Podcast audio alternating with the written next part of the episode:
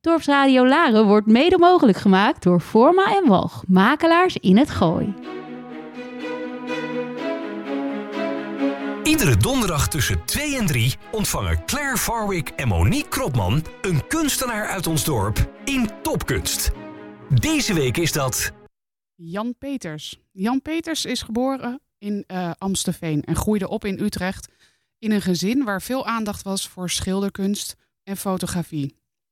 Zo heeft hij een bijzondere belangstelling voor geschiedenis in het algemeen en krijgsgeschiedenis. Omdat het kunstenaarsbestaan destijds weinig toekomstperspectief bood, werd het een journalistiek carrière. Door de hectiek van dit beroep en de drukte van een flink gezin raakte het schilderen op de achtergrond. De opkomst van de digitale fotografie gaf de mogelijkheid prachtige beelden vast te leggen voor later, als hij weer de tijd zou krijgen om te kunnen schilderen. In 2017 voorzag Peters dat een reorganisatie onvermijdelijk zou worden. Hierdoor besloot hij het penseel weer op te pakken. Maar de vraag was: kon hij het nog? In 2019 gebeurde het onvermijdelijke en het jaar daarop startte hij als zelfstandig kunstschilder. Door de coronacrisis bleek eigenlijk de coronacrisis een blessing te zijn. In plaats van gedwongen stilzitten verbreedde Jan zijn terrein met landschappen, stads- en zeegezichten en taferelen uit het dagelijks leven.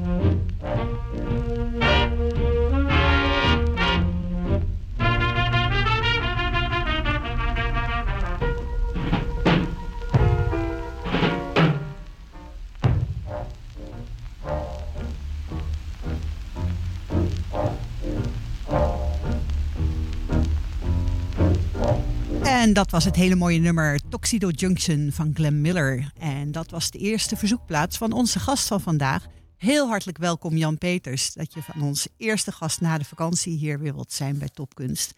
Uh, niet zomaar, hij heeft een hele grote tentoonstelling hier in het Brinkhuis.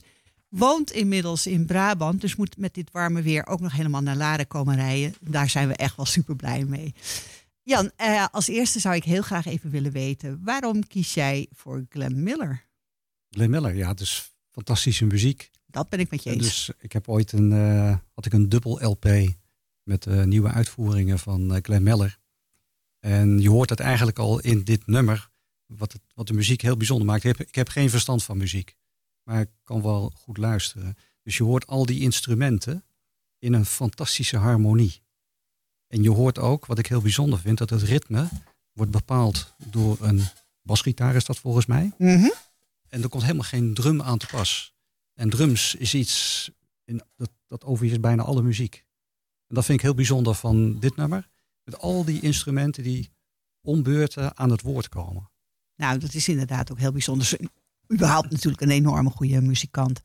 Uh, ik denk dat iedereen wel weet dat hij uh, heel ongelukkig aan zijn einde is gekomen. Glenn Miller. Hij is verongelukt hè, in, bij een vliegtuigongeluk in 1944 toen hij met zijn band op reis was. Maar hij was Oh. niet met zijn band, hè? Oh, ik dacht Nee. met zijn band wat hij Nee, was. nee, maar... nee, nee, nee. De- nee er, is dus veel, er is veel onduidelijk over zijn, eh, over zijn dood. Ja, Dus hij wilde per se naar Frankrijk. Ja. En ehm, hij heeft toen een, eh, een, een piloot bereid gevonden om hem naar Frankrijk te vliegen. En het is onduidelijk waar, wat er nou precies fout was. De piloot had namelijk niet de papieren voor dat toestel wat hij gebruikt heeft. Het toestel was in reparatie. En hij zou gevlogen hebben in een, een strook in, in het kanaal waar bommenwerpers die terugkwamen en die hun bommenlast nog niet kwijt waren, hun bommen dropten. Maar uit alle rapporten, voor zover ze hebben kunnen reconstrueren, is hij daar nooit geweest. Dus het is nog altijd met raadsels omgeven. een Maar hij was dus complot dus. Nee, nee, nee, nee, nee, nee, is geen, nee, nee, die zijn er ook wel. Maar er zijn dus drie opties. En ze weten, ze weten het gewoon niet precies. Maar het was niet zijn hele band.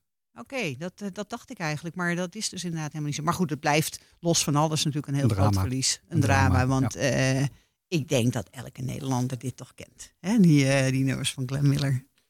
Goed, we gaan verder met jou natuurlijk. Want hij was een, een goed muzikus. Maar jij bent een enorme goede kunstenaar. En dat is ook niet zomaar gekomen. Want wat een vreemd verhaal is dit. Je bent eigenlijk pas drie jaar, drie tot vier jaar, professioneel kunstenaar. Daarvoor deed je iets heel anders en had je, zoals zoveel van ons, liefde voor het tekenen, het weergeven van dingen. Dat zijn er heel veel. Maar jij bent echt professioneel kunstenaar geworden. En toch niet op je twintigste. Nee, Nee, nee. nee. nee. En vertel eens, hoe is dat zo gekomen? Ehm, nou, ik heb wel, eh, ik, als, als jochie eh, tekende ik natuurlijk ontzettend veel. En ehm, eh, ja, je maakt allerlei tekeningetjes. En op een gegeven moment ehm, raakte ik ook helemaal in de band van geschiedenis. Daar ben ik altijd geweest. En dat wat je, wat je leest en wat je interesseert, dat ga je tekenen, ga je vormgeven. Dus ik deed dat eh, deels door te tekenen en ik deed dat deels door modelbouw. Dus naast het vele lezen erover. En ehm, om daar zeg maar, die interesse ook nog te voeden, ging ik onder andere naar het Leger Museum, wat toen nog in Leiden zat, in het pesthuis.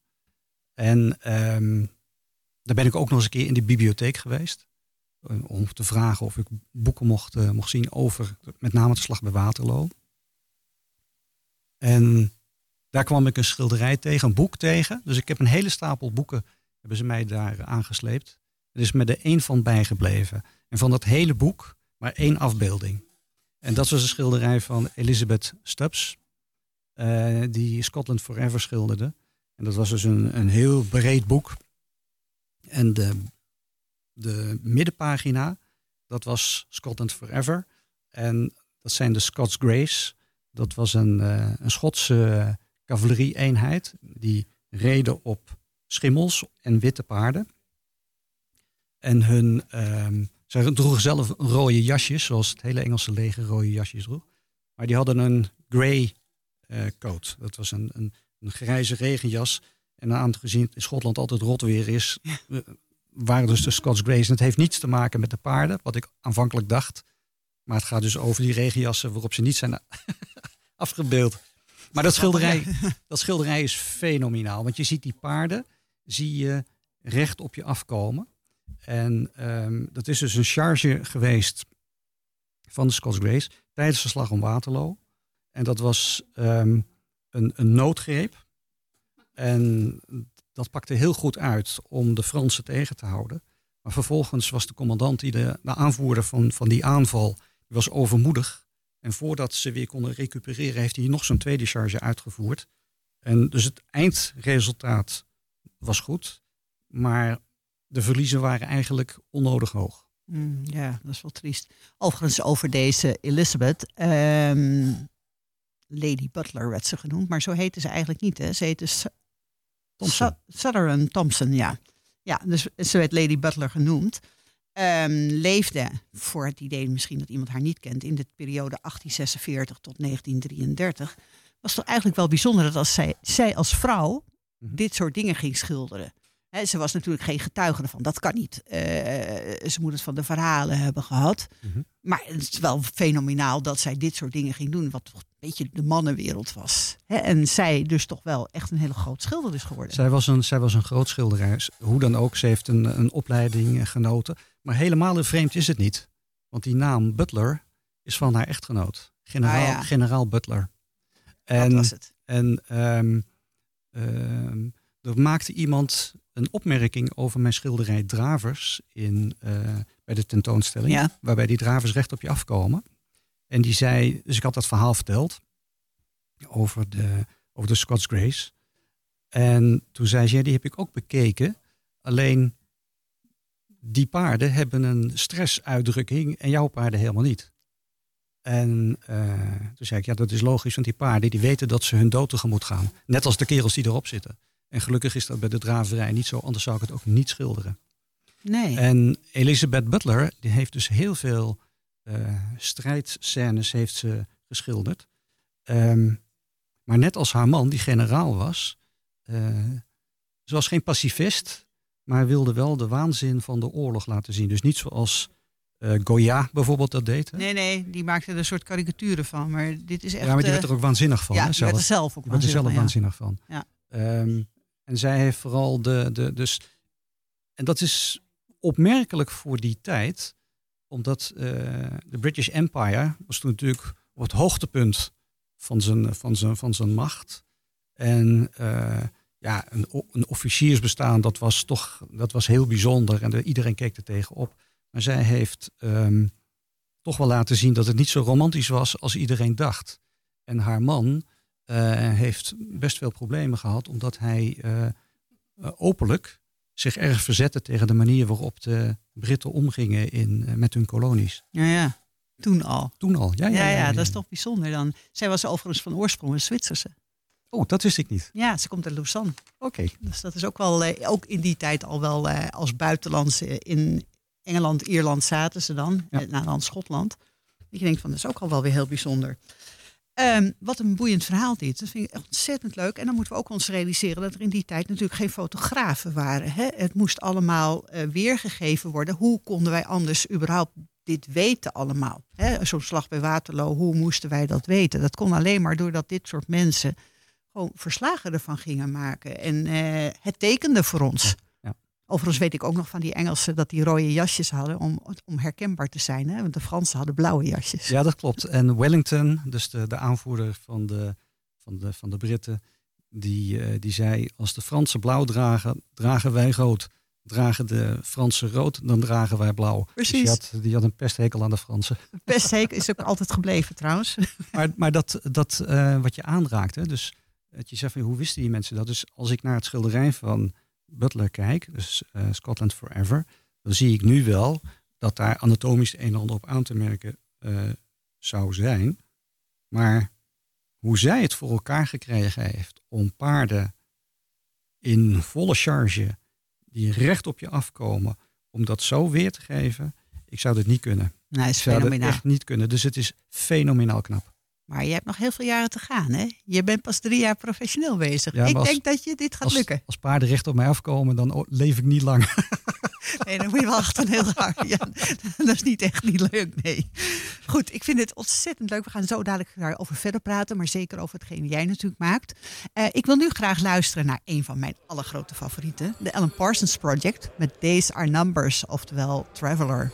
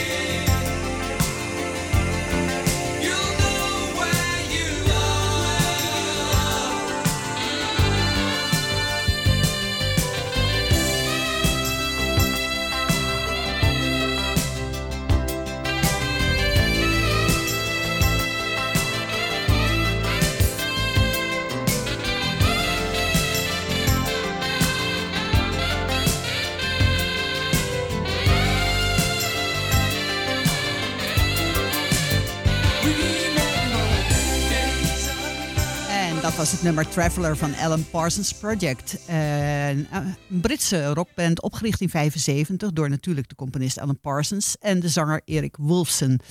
Uh, Parsons, wat mensen misschien niet weten, was onder andere ook de producer van Pink Floyd's The Dark Side of the Moon. En het hele bekende nummer van Alan Parsons, Old and Wise, een van mijn allerfavoriete nummers, werd destijds ingezongen door Colin Blunstone. En waar kennen we die ook alweer van? Oh ja, dat was van de Zombies, van She's Not There.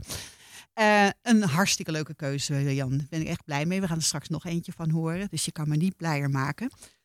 Um, wij gaan eventjes door, want uh, ik heb natuurlijk de intro zijn we meteen begonnen met hoe kom je nou tot het maken van kunst wat je nu doet. Maar jij bent geboren in Amstelveen en de genen zaten er toch wel in al met kunst. Hè? Als ik dat zo hoorde van je vader is, uh, was kunstenaar, tekende. Hij was technisch tekenaar. Hij was technisch tekenaar. technisch tekenaar. En mijn opa was tekenleraar. En heeft heel veel, uh, heeft heel veel geschilderd. En een technisch tekenaar, wat, uh, dat tekende hij voor zijn beroep, producten? Is dat hij stond, hij stond op de tekenkamer en um, hij is direct na de, na de oorlog is hij bij de KLM gaan werken. Dus dat, dat Schiphol, dat was nog zeg maar een oorlogsvliegveld. Ja. En um, er kwamen allerlei nieuwe types vliegtuigen. En tegenwoordig ga je via een gate, via een slurf. Maar toen had je nog statietrappen. Ja. En voor al die verschillende types heeft mijn vader een aantal van die statietrappen ontworpen. Dus dat soort uh, werk deed hij. Wat grappig. Dat is toch wel, uh, ja, dat is toch wel bijzonder dat je dat dan allemaal weer meemaakt. Wel heel erg leuk weer. En opa, Opa schilderde? Opa schilderde. En uh, pas recent heb ik de link gelegd. Dus hij heeft een hele serie uh, stads- en dorpsgezichten gemaakt. Hij schilderde werkelijk van alles. Um, maar we hadden thuis een, een aantal stadsgezichtjes. Rotterdamse scènes. Want mijn ouders waren beide Rotterdammers. En die waren allemaal wat in de bruinen. En ik vond dat altijd wat vreemd. Maar ik zag laatst wat werk van Breitner. En toen dacht je, Fip, natuurlijk die man die heeft zich laten inspireren door Breitner. Breitner kennen we natuurlijk ook ja. van dat, dat sombere in Precies. Amsterdam. Hè? En bijvoorbeeld ja. dat je denkt, het regent daar altijd. Ja, ja, ja, ja, ja, ja. Dat, dat werk. Dat ja. werk ja. wel heel mooi. Ja, heel mooi. Ja. ja, goed. Het gaat dan toch over naar jou. Ik neem aan dat jij als klein kind gewoon best ook goed kon tekenen al. Ja. Ja, dat kan niet anders. Nee, He, dat, dat is niet zo ineens dat je denkt van... hé, hey, wat heb ik nu voor een talent? Nee, dat, dat komt niet helemaal uit de lucht vallen. Nee. Dat kom, kom je op een gegeven moment achter. Ja. En dat is natuurlijk ontzettend leuk. Maar goed, je kan er heel lang niks mee doen. Je moet gewoon, mm -hmm. uh, je moet gewoon geld verdienen. Hè? Ja. Net zoals iedere vader en Nederlander ja. hier zo. Want je had ook nog eens een keer een gezin met... Hoeveel kinderen hadden je? Zes. Ik wou maar zeggen, Zes. die moeten wel allemaal toch leuke kleertjes hebben en Ja. eten hebben. Dus tekenen is leuk, maar die eten als dokwerkers. precies. Ik heb er zelf een paar van die rondlopen, van die zo, weet je, van eh, bijna twee meter en zo. Ja, ja. Als die langskomen, heb ik inderdaad, ik denk, zo. Eh, maar onwijs leuk natuurlijk allemaal. Ehm, heeft een van de kinderen jouw talenten ook weer gekregen? Ehm, ja, eh, op verschillende niveaus. Maar die hebben daar ook niet zoveel tijd voor. Nee. Dus, dat, eh, nee, ik, dus ik heb daar nog niet eh, dat ik denk van eh, die gaat het stokje overnemen. Nee, zover is het nog niet. Maar Ik heb er wel een gesproken die zei dat ze het toch echt wel heel erg leuk vond. En haar man zei dat ze het ook goed kon. oké, ja, dan weet ik over wie je het hebt. Ja, dat denk ik ook. Mijn oudste dochter, eh, Danielle. Ja. Ja, ja, ja, ja, ja. die kan het heel goed. Ja, hè, Ja, dat ja. is waar. Want haar man zei nee, eh, ze kan het echt heel erg goed. Ja. Maar geen tijd, hè? Geen tijd. Nou ja, die hebben hetzelfde probleem weer. Hè? Met ja. ook kleine jongetjes zag ik rondlopen. Dus Vier, die, eh, vier eh, mannetjes, ja. ik wou zeggen, dat eh, heb je even niet zoveel tijd om te tekenen. Dus s'avonds geen puff meer. Nee, nee, nee. Hè, die, ehm, maar goed, jij hebt het uiteindelijk wel gedaan. Ehm, jullie maken op een gegeven moment de overstap in Amstelveen groeien op. Mhm. Ehm, volgens mij ga je dan rechtstreeks naar Eemnes of zit daar Nee, nog wat naar, tussen? naar Utrecht. Utrecht ga je Ja. eerst nog. Ja, dus mijn vader kon daar gaan werken als tekenaar, redacteur. Dus hij was er ook technisch tekenaar van een hobbyblad, na vijven. Dat was al lang eh, over de kop. En hij maakte besprekingen van ehm, ja, spoormodelletjes, van alles en nog wat. Dat soort, eh, dat soort dingen. Bouwde maquettes, maakte technische tekeningen. Onder andere van een molen. En ehm, dat was een, ehm, een bouwpakket. Ehm, ja, een meter of. Een meter hoog, denk ik, die molen was. En ik zie ze af en toe nog staan in Nederland. In, in een tuin. Dan denk ik van, oh, dat is nog steeds een molen die mijn vader heeft Ik ontworpen. ken dat blad ook nog. Ja? Ja, ik weet dat. Mijn, mijn opa had dat. Oké, ja, nou zie je. Ja, ja. ja, ik weet het dat hij dat had. Die vond dat soort dingen heel leuk Ja. om te doen. En nou hoor ik even snel tussen neus en lippen door dat jouw vader ook redacteur was. Ja, die schreef, want hij, hij, wat hij, dus de kunst die hij verstond, was om de bouwtekeningen, om daar een volgbare beschrijving bij te maken. Want heel veel mensen kunnen die link niet leggen. Nee, dat is. eh, neem tegenwoordig de IKEA-kast. de mensen kunnen het nog steeds niet. Nee, nee, nee, nee, klopt.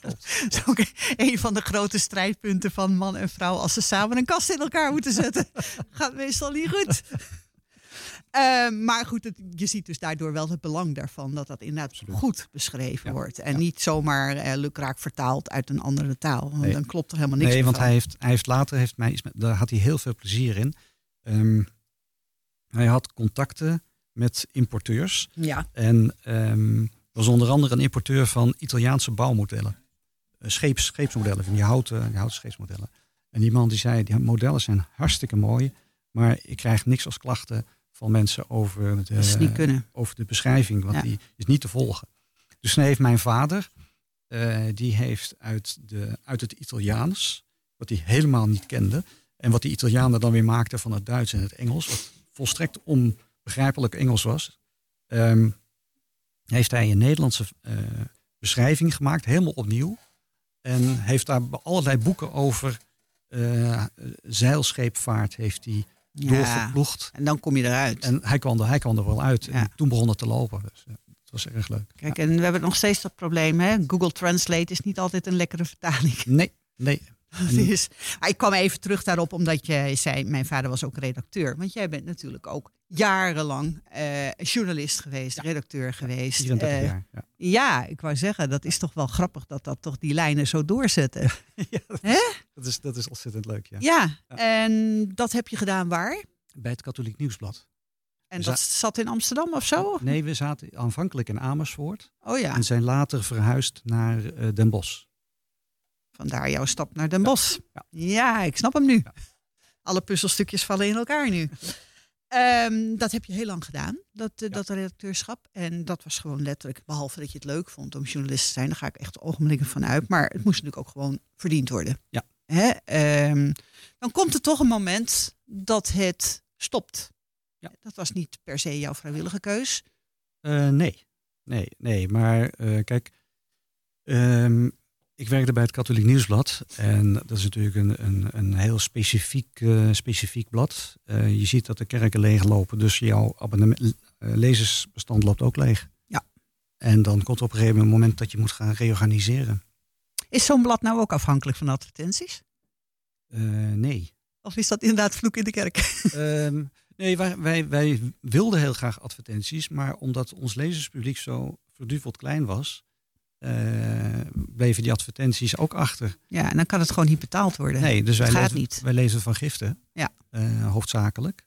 En eh, ja, op een gegeven moment dan houdt het gewoon op. Dan moet er iets gebeuren. En ik zag dat in 2017, dacht ik echt van binnen vijf jaar, als, er, als er niks gebeurt, gaan we binnen vijf jaar op de fles. Ehm, wat kan ik dan gaan doen? Ik was toen 54. Eh zit echt niet op mij te wachten. De Nee. barst van de goede journalisten. Ik was gespecialiseerd in een Auslaufmodel. Dus ehm, dat bedoel ik niet, niet, niet de kerk, maar in, de- in, in, het- in de. Mhm. En ehm, ja, wat ga ik doen? En toen dacht ik, paarden schilderen. En toen ben ik begonnen met gewoon een paar schilderijtjes te maken van paarden. Omdat ik bang was dat ik het was verleerd. Want ik had dik 25 jaar geen, geen, geen, geen aquarel meer gemaakt. En eh, dat ging in één keer heel goed. Dus toen dacht ik van nou ja, ik kan het. Ik heb er drie gemaakt. In oplopende moeilijkheidsgraad. En ehm, toen dacht ik van nou, ik zie het wel. En een jaar later, pakweg een jaar later, kreeg ik te horen van eh, we gaan reorganiseren. Er gaan er vijf uit. Onder wie jij. En ik was de enige van de vijf die eh, stilletjes dacht, eh, joepie. ik weet wat ik ga doen. Ja, maar het was ook gewoon wel eh, slim om daar van tevoren over na te denken. En het niet alleen maar op je af te laten komen. Want kijk, een ontslag is nooit leuk voor niemand. In, in dit geval heeft het voor jou heel goed uitgepakt. Absoluut. Maar het zijn, als je wacht tot op het laatst, sta je toch wel even mm, dat je denkt, en nu? En nu? Hè? Klopt. Want je kan dan wel een stukje uitkering krijgen, maar dat is niet fijn. En zeker niet op die leeftijd. En dan denk van, Nee. je moet gewoon verder dan. Je moet verder, ja. Daar ga ik zo even met jou over verder praten. We gaan even naar het volgende nummer van eh, ook van Alan Parsons. Je kan mij niet gelukkiger maken. Met The Goldbug.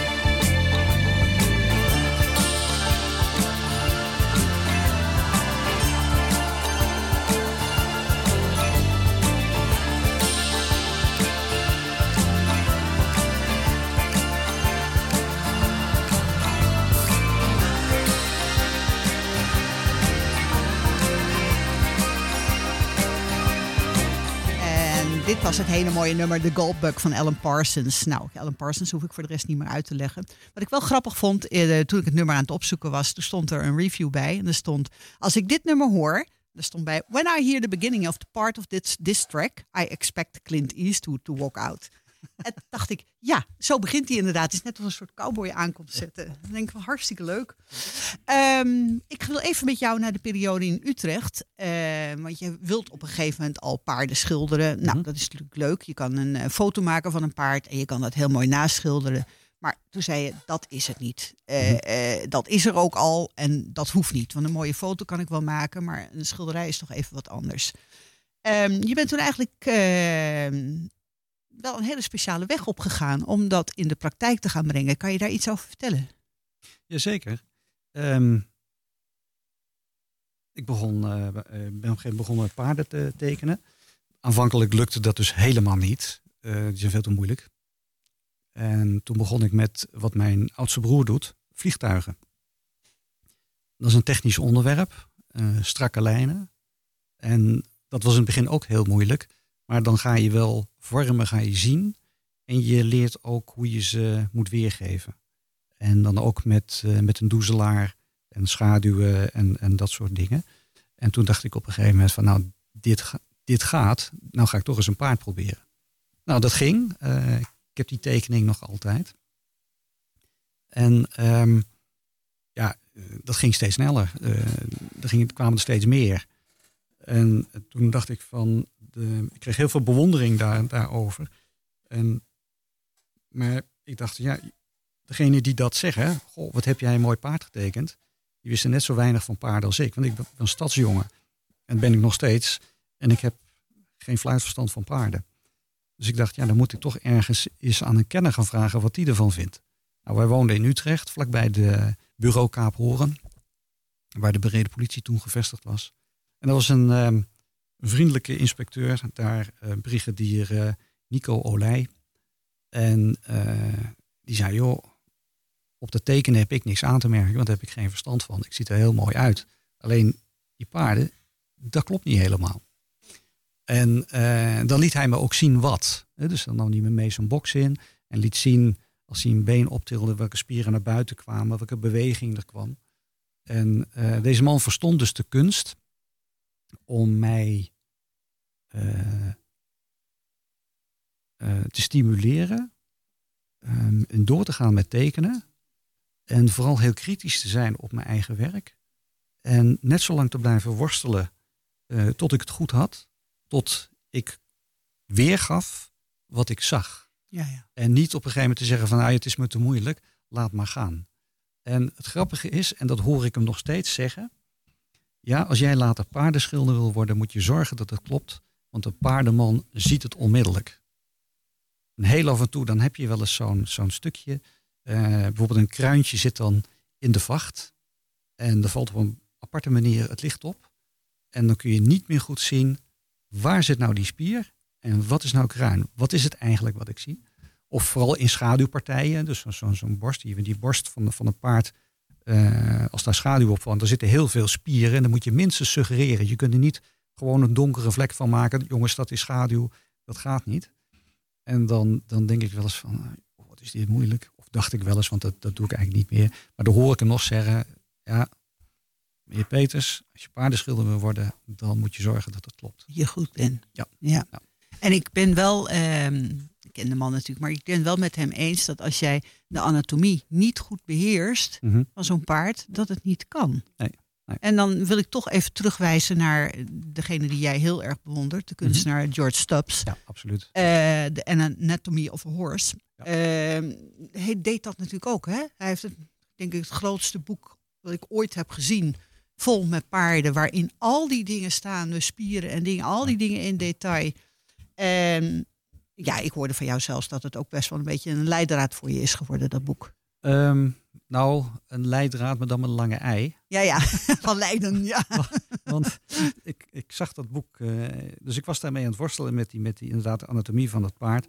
En ik kwam regelmatig bij de slechte toen op de Oude Gracht in Utrecht. En uh, daar lag een prachtig boek over de anatomie, Anatomy of the Horse. En echt laagje voor laagje. We beginnen bij de botjes en dan steeds verder. En ik dacht van, dat heb ik nodig. Maar hoe meer ik erin keek, hoe meer... Hoe hopeloos je wordt. Schoenen zonk. Denk, oh jee, dat ga ik nooit, dat ga ik nooit uh, voor elkaar krijgen. Maar ja, het is, uh, het is fenomenaal wat die man heeft, heeft gedaan. En de schilderijen die hij heeft gemaakt. Dus hij is ooit begonnen, hij heeft een, een schuur heeft hij ergens gehuurd voor een half jaar of zo. En er had er een groot verhaal over toen ja, in Mauritshuis die tentoonstelling ja, was. 2020 hè? Ja, en, en uh, helaas gemist door de corona. Um, uh, heeft hij gewoon, paarden heeft hij daar helemaal ontleed. En uh, uitermate goed beschreven. En, Kijk, ze waren niet helemaal gek in de tijd van, van Rembrandt en nog verder daarvoor. Met ja, en verder daarvoor was het, en, was het lastiger. Maar dat, dat, was, dat was vooral ehm, in de tijd van, van Leonardo da Vinci, die ermee begon. Ja was dat vooral vanuit religieus oogpunt.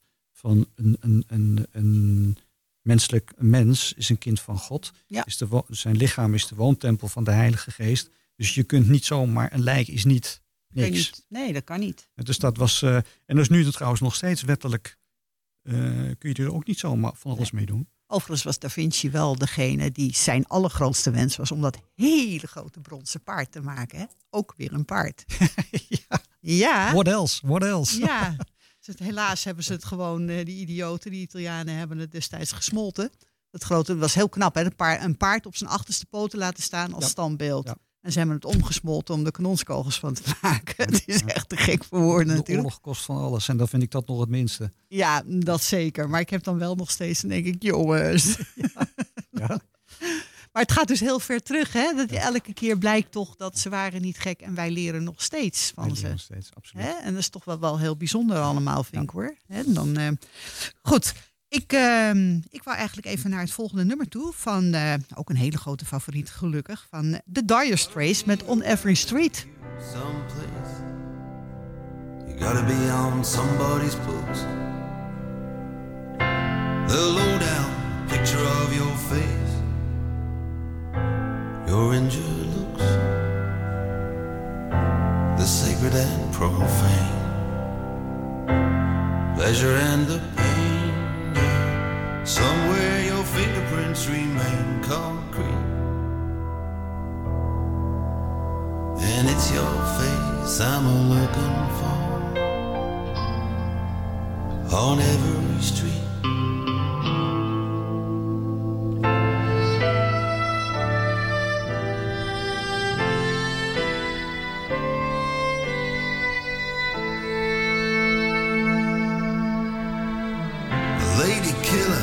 Regulation tattoo, silver spurs on his heels. What can I tell you as I'm standing next to you? She threw herself under my wheels. It's a dangerous road, a hazardous load, and the fireworks over liberty explode it's your face I'm looking for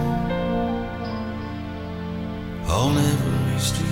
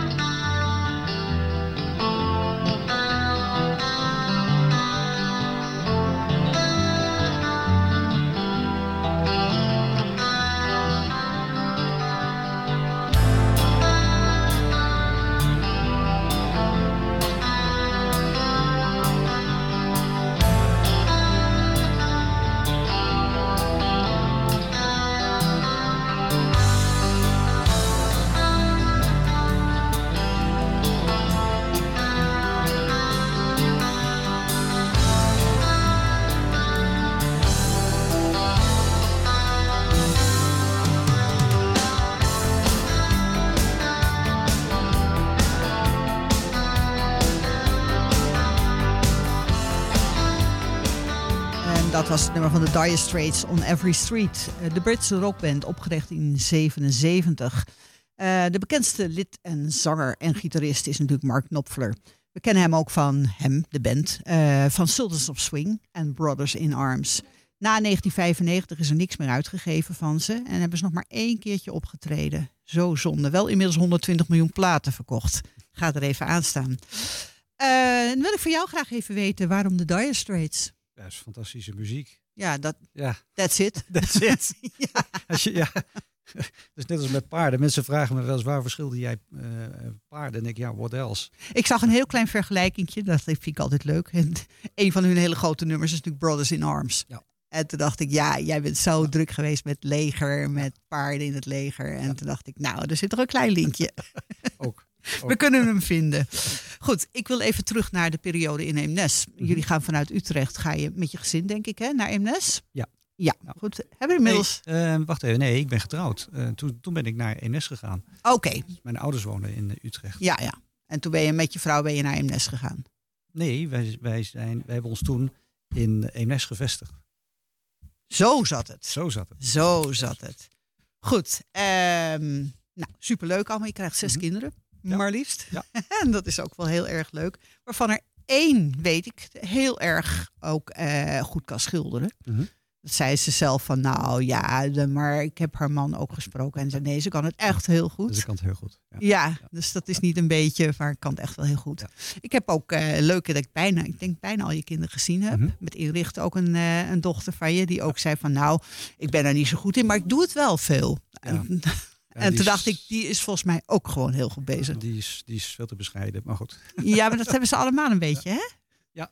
Ze zijn allemaal een beetje van, oh ja, dat heb je zelf Ja. natuurlijk ook wel een beetje. Hè? Van, ook oh ja, nee, Ja. ik, ja, Ja. ik doe ook wel wat met paarden en zo. En dan, zie ik een tentoonstelling en denk ik, wauw. Heb er letterlijk met een onelegante zeggen, je bek valt open. Het is echt heel erg mooi. Ehm, in die periode in Eemnes heb je ook contact gelegd met een paardenfokkerij. Ja. Eh, onder andere de fokkerij Waaistut. Ja. eh, waar je ook paarden geschilderd hebt. Ja. Nou, en wat ik dan zelf wel heel bijzonder vond bij de opening van jouw tentoonstelling, daar waren de mensen, mensen waren er ook van Stut. Mhm. En die staan eigenlijk nog steeds met tranen in hun ogen naar hun geschilderde paard te kijken. En dat vond ik dat wel. Was, dat, was, eh, dat, dat was Bianca Hulleman. Oh, dat was niet van Stut. Nee, nee, nee. Oh, dat was want, een ander. Want, want ik, ik, ik begon nu in één keer, heb ik ze nou gemist? Nee, Bianca Hulleman, die Oh, oké. is de eigenares van eh, dat 40 jaar oude paard. Ja. En Ja. dat is in mei is dat gestorven. Dus vandaar dat ze even vol schoot toen ze Ja. toen ze het zag. Ja. Maar ik denk, dat doet dus een geschilderd portret. Ja. Hè, dan denk ik, hoe, hoe knap is dat? En het was ook gewoon heel erg mooi. Hè, die, maar je had ook wel werken van Stut daar staan, of niet? Op die Ja, ja, ja, ja, toch? ja, daar hangen, daar hangen er verschillende. Alleen, eh, eh, ik denk dat zij te druk waren. Dat ze niet konden. Dus ook middenvakantietijd. Ja, dat en is je waar. weet het met paarden. Dat, dat, ik probeer Die zijn dat- altijd druk. Mensen zijn altijd druk. En Ja. dan, dan, dan bel je, ik kom morgen, ja, dat is goed. En dan in één keer krijg je s'avonds laat een appje. Ja, sorry, paard moet naar de hals over kop. Had een koliekje. Ja. Ja, ja. Maar goed, ook, ook die paarden, ze zijn stuk voor stuk gewoon allemaal fantastisch mooi om te zien. En je hebt er inderdaad ook eentje dat die paarden zo recht op je afkomen draven. Ja. Hè, met de draverijen. Eh, dat je ervoor staat, je denkt, jongens, ze lopen me plat. Hè, en die hebben we vrij hoog opgehangen. Dus het is inderdaad of ze zo uit de verte op je afkomen draven. Ja. Echt heel erg leuk gedaan. Maar ik zag behalve paarden Mhm. ook nog een hele hoop andere dingen op deze tentoonstelling. Ja. Ja. Wat schilder je zo nog meer dan? Eh, landschappen, eh, zelfs een wolkenlucht. En dus dat, dat ehm, had een keer over die dravers. Dus ik schilder mijn, mijn paarden het liefste zonder achtergrond. Omdat ik wil laten zien wat een formidabel mooie dieren dat zijn. Ja. En achtergrond leidt af. En achtergrond is vaak ook gewoon niet mooi. Als je bij zeer zeker aan zo'n drafbaan heb je allemaal van die reclames op de achtergrond en, en lichtmasten en van alles nog wat. En dat laat ik allemaal weg. Letterlijk stoorzenders. Het zijn stoorzenders, dus dat, eh, ik, ik vind dat gewoon jammer. Maar dat iemand gezegd van, ik vind ze prachtig, maar ik mis de wolkjes. En dan kun je denken van, ja, dat is jammer voor jou. Als een opdrachtgever een paard in de omgeving wil hebben. Ik heb nou toevallig zo, zo iemand. ehm, dan moet dat wel kunnen. Ja. Maar ik wil altijd het volle licht, het volle zonlicht op de paarden hebben. Want dan glanzen ze het mooist, Ja. de huid geleemd, de, de, de, de spieren komen tot, tot hun recht. De kleuren zijn veel dieper. Eh, je hebt schaduwen, dus mooie contrasten. Dus dan moet je ook zonnige luchtjes schilderen. En dat zijn vaak blauwe luchtjes met in ieder geval wat, of helemaal blauw of met wat pluiswolkjes erin. En daar werd het even heel moeilijk. Ja, Want ik begon daarmee te, te dus letterlijk. Eh, en dat was dus ook de blessing in disguise. Uh, Claire zei het er straks al, van de coronatijd. Want ik kon nergens heen. Ik kon niet naar wedstrijden, ik kon niks. nee, dat was niks. Dus toen dacht ik van nou, weet je wat, ik ga niet stilzitten. Ik ga rolletjes oefenen. Nou, dat heeft me pakken papier gekost. eh, en heel veel verf. En heel veel zweten.